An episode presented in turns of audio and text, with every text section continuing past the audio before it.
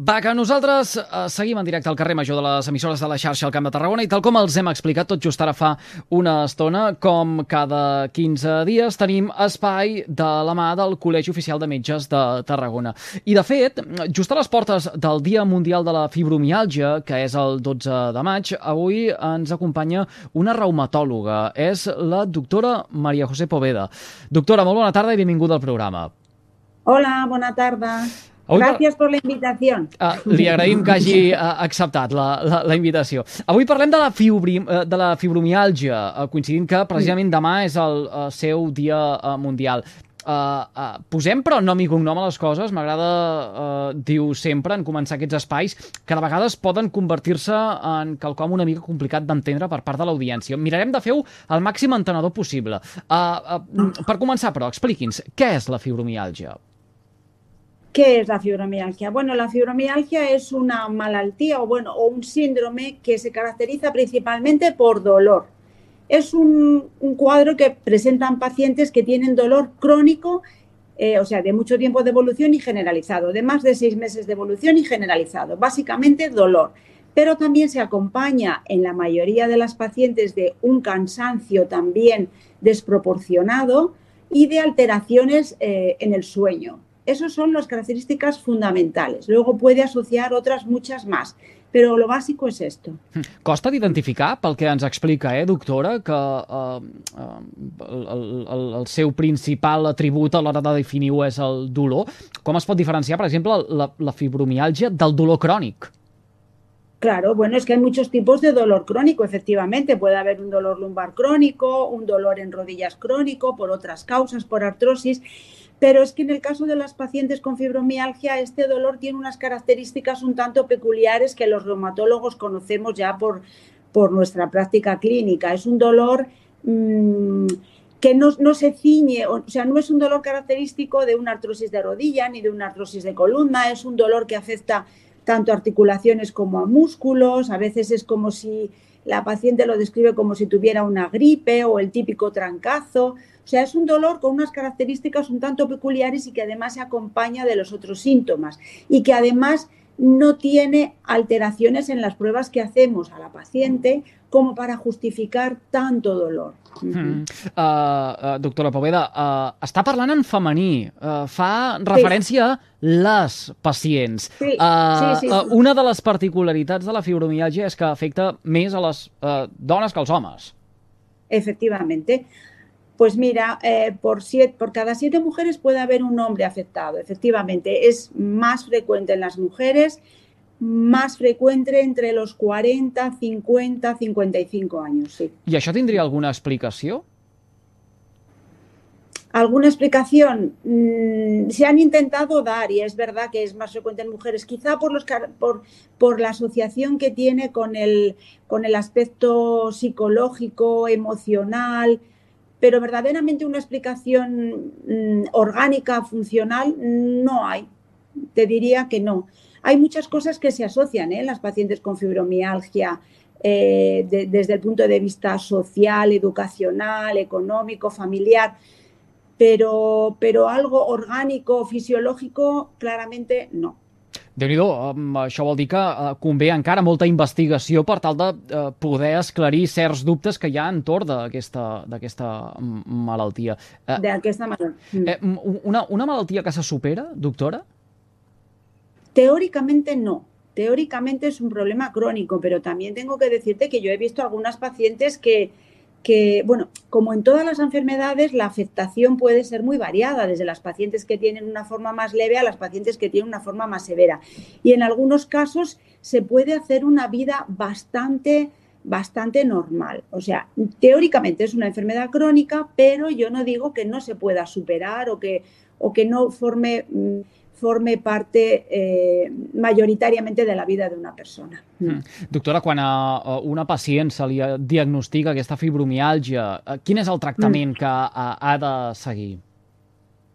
Vale, el tratamiento de la fibromialgia es un tratamiento como en muchas enfermedades que, que decimos multidisciplinar, o sea, se tienen que abordar distintos aspectos de la persona, ¿vale?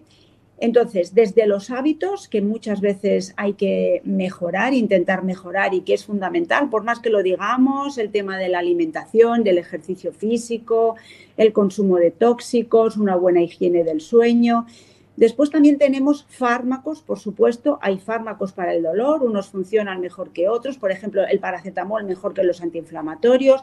También se emplean fármacos antidepresivos porque siempre hay un componente asociado de alteración del ánimo, pero porque estos fármacos nos, ayudan a mejorar los, las moléculas que transmiten la señal de dolor, ¿vale? Y también hay la parte de psicoterapia, la parte de eh, de, tratamiento desde el punto de vista emocional, psicològico, una psicoteràpia cognitivo-conductual. Mm. Per tant, doctora, pel, pel, pel que ens està explicant, eh, aniria poc o molt associat també a uns mals hàbits en el uh, dia a dia de les uh, persones. Feia referència a l'alimentació, feia referència, doncs, a uh, substàncies tòxiques, suposo que parlava d'alcohol i drogues. Uh, sí. Um, parlava també, doncs, de, de, dels hàbits de, de, de l'hora de, de dormir, de la son. Per, per tant, tot, tot ajuda també uh, al final a um, patir, mm. com tantes altres malalties, uh, fibromialgia.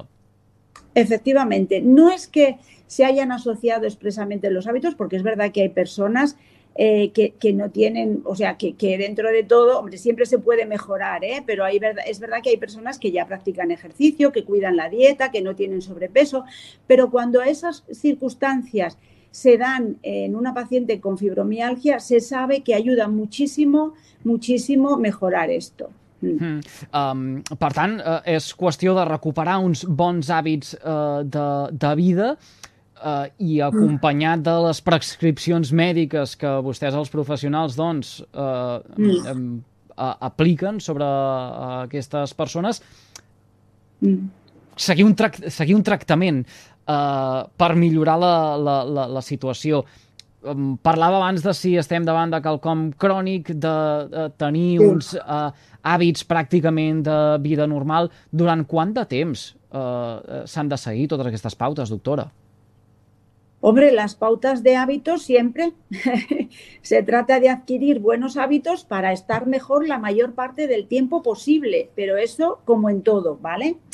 Y en cuanto a la medicación, teóricamente, como hemos hablado antes, se trata de una enfermedad crónica, pues también teóricamente siempre ha de haber medicación. Lo que pasa que a lo mejor no es necesaria toda la medicación, porque con el paso del tiempo o una vez que hayamos resuelto y mejorado la situación de la paciente, también podemos optimizar los fármacos, disminuir las dosis o incluso hacer descansos o suspender algunos, algunos fármacos. En tot cas, li preguntava doctora, per uh, conèixer, uh, si no, el temps de recuperació que hi uh, d'una mm. pacient que pateix uh, de fibromialgia? Mm.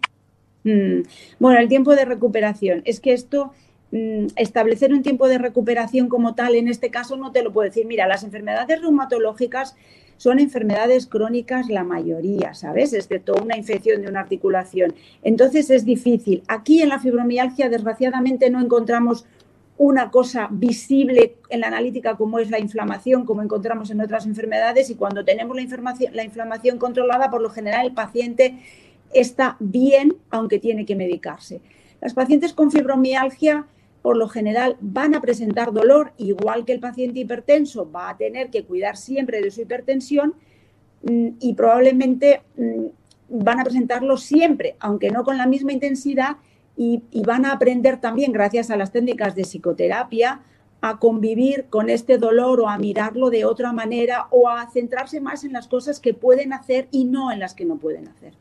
Uh, quan uh, parlava d'una vida pràcticament normal, uh, doctora, entenem que uh, tot el que té a veure amb psicomotricitat, amb exercici físic, amb uh, activitat, a, a, això sí que s'ha de mesurar o ha d'anar acompanyat d'unes pautes també, en aquest cas, doncs, prescrites per un professional? Claro, sí, sí, sí, de acuerdo con las características de la paciente. Obviamente, una paciente que tiene, por ejemplo, algo de sobrepeso, que también tiene artrosis o, y que nunca ha hecho actividad física de forma regular, no podemos pretender que empiece a caminar cada día o una hora. Siempre tiene que ser como un traje a medida para cada paciente. Esto está claro.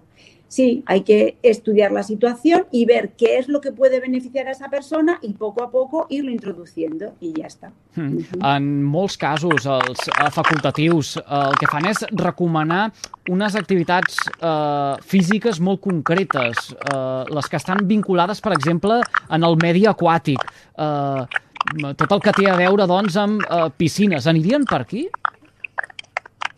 Bueno, yo la verdad es que eh, el tema piscina siempre se, se, incluye porque parece que es algo como, como más liviano, que o sea, más liviano puede ser más agradable, pero también tienes que ver las características de la paciente. A veces le dices esto a una paciente que tiene fobia o miedo al agua, que no sabe nadar, y, y es que es inútil empeñarse en esto.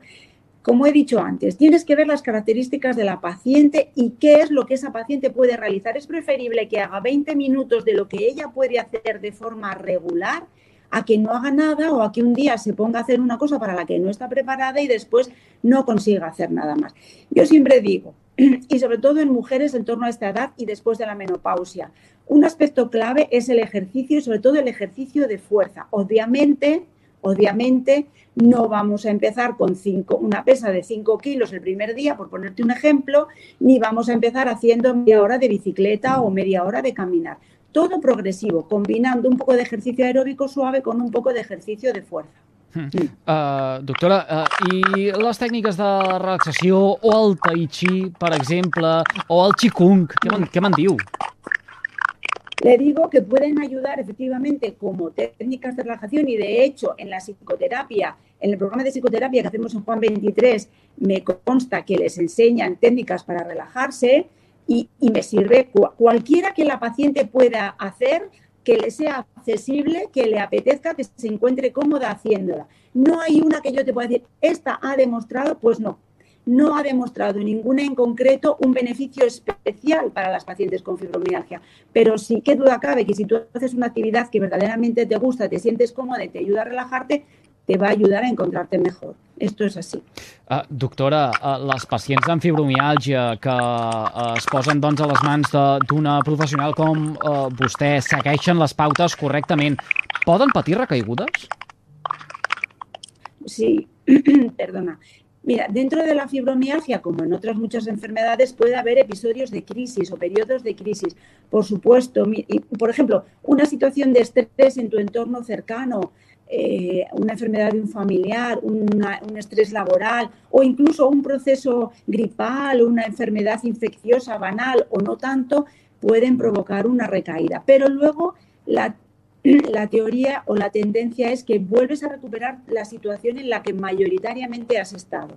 Mm. Mm. Uh, Puede haver uh, tinc la sensació, doctora, que uh, l'actual ritme de, de, de vida, uh, el fet d'estar de, uh, en uh, el, la connexió a internet uh, constantment, la globalització, el no parar, el neguit, tot això uh, fa sumar punts per patir fibromialgia. No, no, no sé si està d'acord. Como aspectos concretos relacionados con, con la fibromialgia, todo esto que hace referencia a tanta información de Internet y tantas redes sociales y todo esto, yo creo que entraría, estaría englobado dentro del estrés o de, de, todas estas señales físicas que nos aturden un poco, porque se trata Claro, es que a todos, a todos, a todos nos pasa que tenemos que saber seleccionar y saber un poco recuperar el centro. Pues a las pacientes con fibromialgia todas estas, todas estas cosas con seguridad las, las desbordarán y no las ayudarán a centrarse en lo que verdaderamente tienen que centrarse, como la mayoría, vaya. Hmm. Doctora, per, per tant, a dia d'avui es diagnostiquen eh, més casos de fibromialgia que no pas anys enrere. Sí, quizás sí, ha habido una época después de la pandemia, tengo que decir que mi sensación personal es que hay muchos más pacientes o mucho más eh, demanda de motivo de consulta el del dolor generalizado. Supongo que también tiene que ver con la situación social, con el entorno, con, con todo lo que hemos vivido. Esto no ayuda para muchas cosas y en este caso tampoco. Si ya partes de una situación un poco precaria a distintos niveles y, y como te comentaba antes, sobreviene esta situación de estrés a nivel social, pues obviamente se pueden precipitar casos de fibromialgia que hasta entonces no estaban diagnosticados. Sí. Doctora, eh, ja per acabar i a les portes d'aquest eh, Dia Mundial de la Fibromialgia, que és el 12 de, de maig, eh, quin missatge donaria a les dones que pateixin aquesta malaltia i que ens puguin estar escoltant ara en directe o en, o en remissió? La verdad es que les diría que se puede estar mejor, que verdaderamente todos tenemos también una parte de responsabilidad en nuestra salud, que busquen ayuda de un profesional y que se dejen orientar. Eh, que la parte de psicoterapia es muy importante, la parte de hábitos es muy importante, que a veces es muy difícil salir de una dinámica concreta, pero que se puede conseguir, se puede conseguir mejorar. Doctora Maria José Boveda, eh, reumatòloga col·legiada al Col·legi Oficial de Metges de Tarragona.